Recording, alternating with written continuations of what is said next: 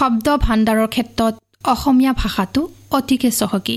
অসমীয়া ভাষাত একোটা শব্দ বুজাবলৈ কেইবাটাও শব্দ ব্যৱহাৰ কৰা হয় যিটো আন ভাষাত বিৰল। সেয়েহে আজি আমি অসমীয়া ভাষাৰ প্ৰতিশব্দ কিছু ক'বলৈ লৈছোঁ।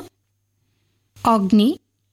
অগ্নি শব্দটো বুজাবলৈ ব্যৱহাৰ কৰা শব্দকেইটা হৈছে অনল জুই বহনি পাবক সূতাখন আকাশ। গগন। শূন্য। বৌম। অম্বৰ। নীলিমা। ইচ্ছা। আকাংক্ষা। অভিলাষ। অভিপ্ৰায়। কামনা। বাঞ্ছা। স্পৃহা। অনুৰাগ। বাসনা। ঈশ্বৰ। ভগৱান বিধি বিধাতা জগতপতি জগদীশ ধাতা ঋষ পৰমেশ প্ৰভু পৰমেশ্বৰ ইত্যাদি।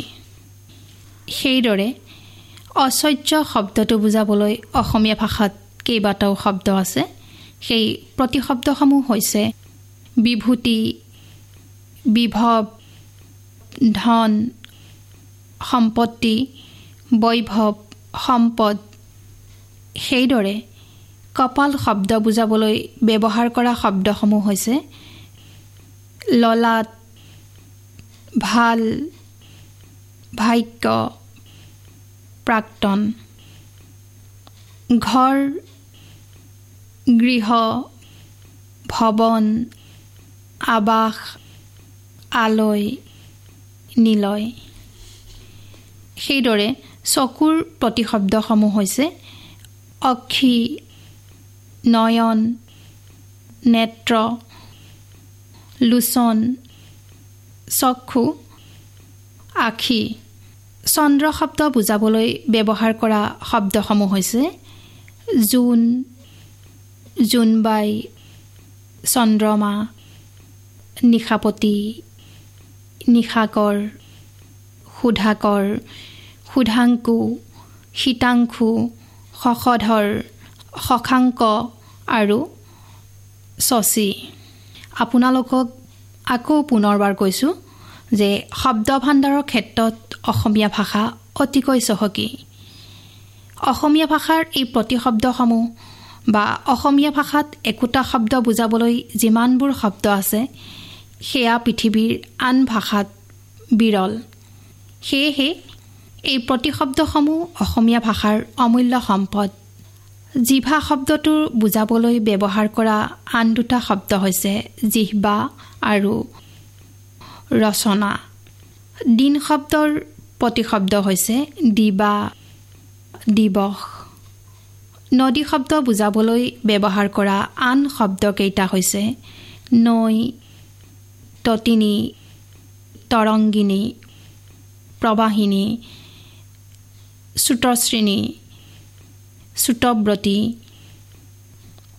পদুম বুজাবলৈ ব্যৱহাৰ কৰা শব্দকেইটা হৈছে পদ্ম উৎপল কমল শতদল শতপত্ৰ পংকজ সৰোজ সৰসীজ অৰবিন্দ নলিন নলিনী আৰু নীৰজ। পৃথিৱীৰ প্ৰতিশব্দসমূহ হৈছে ধৰা ধৰিত্ৰী বসুন্ধৰা বসুমতী বসুধা ধৰণী মহী মেদিনী ক্ষিতি অৱনী আৰু ভূ। বায়ু শব্দ বুজাবলৈ ব্যৱহাৰ কৰা আন শব্দকেইটা হৈছে বতাহ অনিল পৱন সমীৰ আৰু সমীৰণ।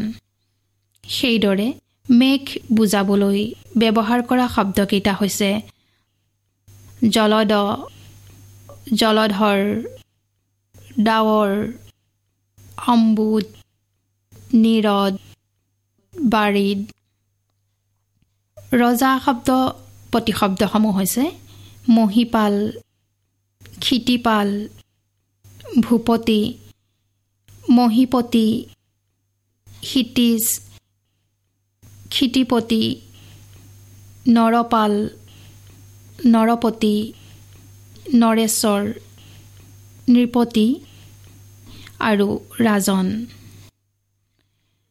ৰাতিৰ প্ৰতিশব্দ হৈছে নিশা ৰজনী জামিনী ক্ষমা ক্ষণদা আৰু ত্ৰিজামা। হাতী বুজাবলৈ ব্যৱহাৰ কৰা আন শব্দসমূহ হৈছে হস্তি কৰি গজ মাতংগ দ্বীপ দ্বিৰদ কুঞ্জৰ আৰু ঐৰাৱত। সূৰ্য শব্দটো বুজাবলৈ অসমীয়া ভাষাত বহুকেইটা শব্দ ব্যৱহাৰ কৰা হয় যেনে বেলি দিবাকৰ দীননাথ ৰবি ভানু ভাস্কৰ মাৰ্কণ্ড মিহিৰ অৰুণ তপন আদিত্য অংশুমালী প্ৰভাকৰ সবিতা দিনকৰ আৰু দীনবন্ধু।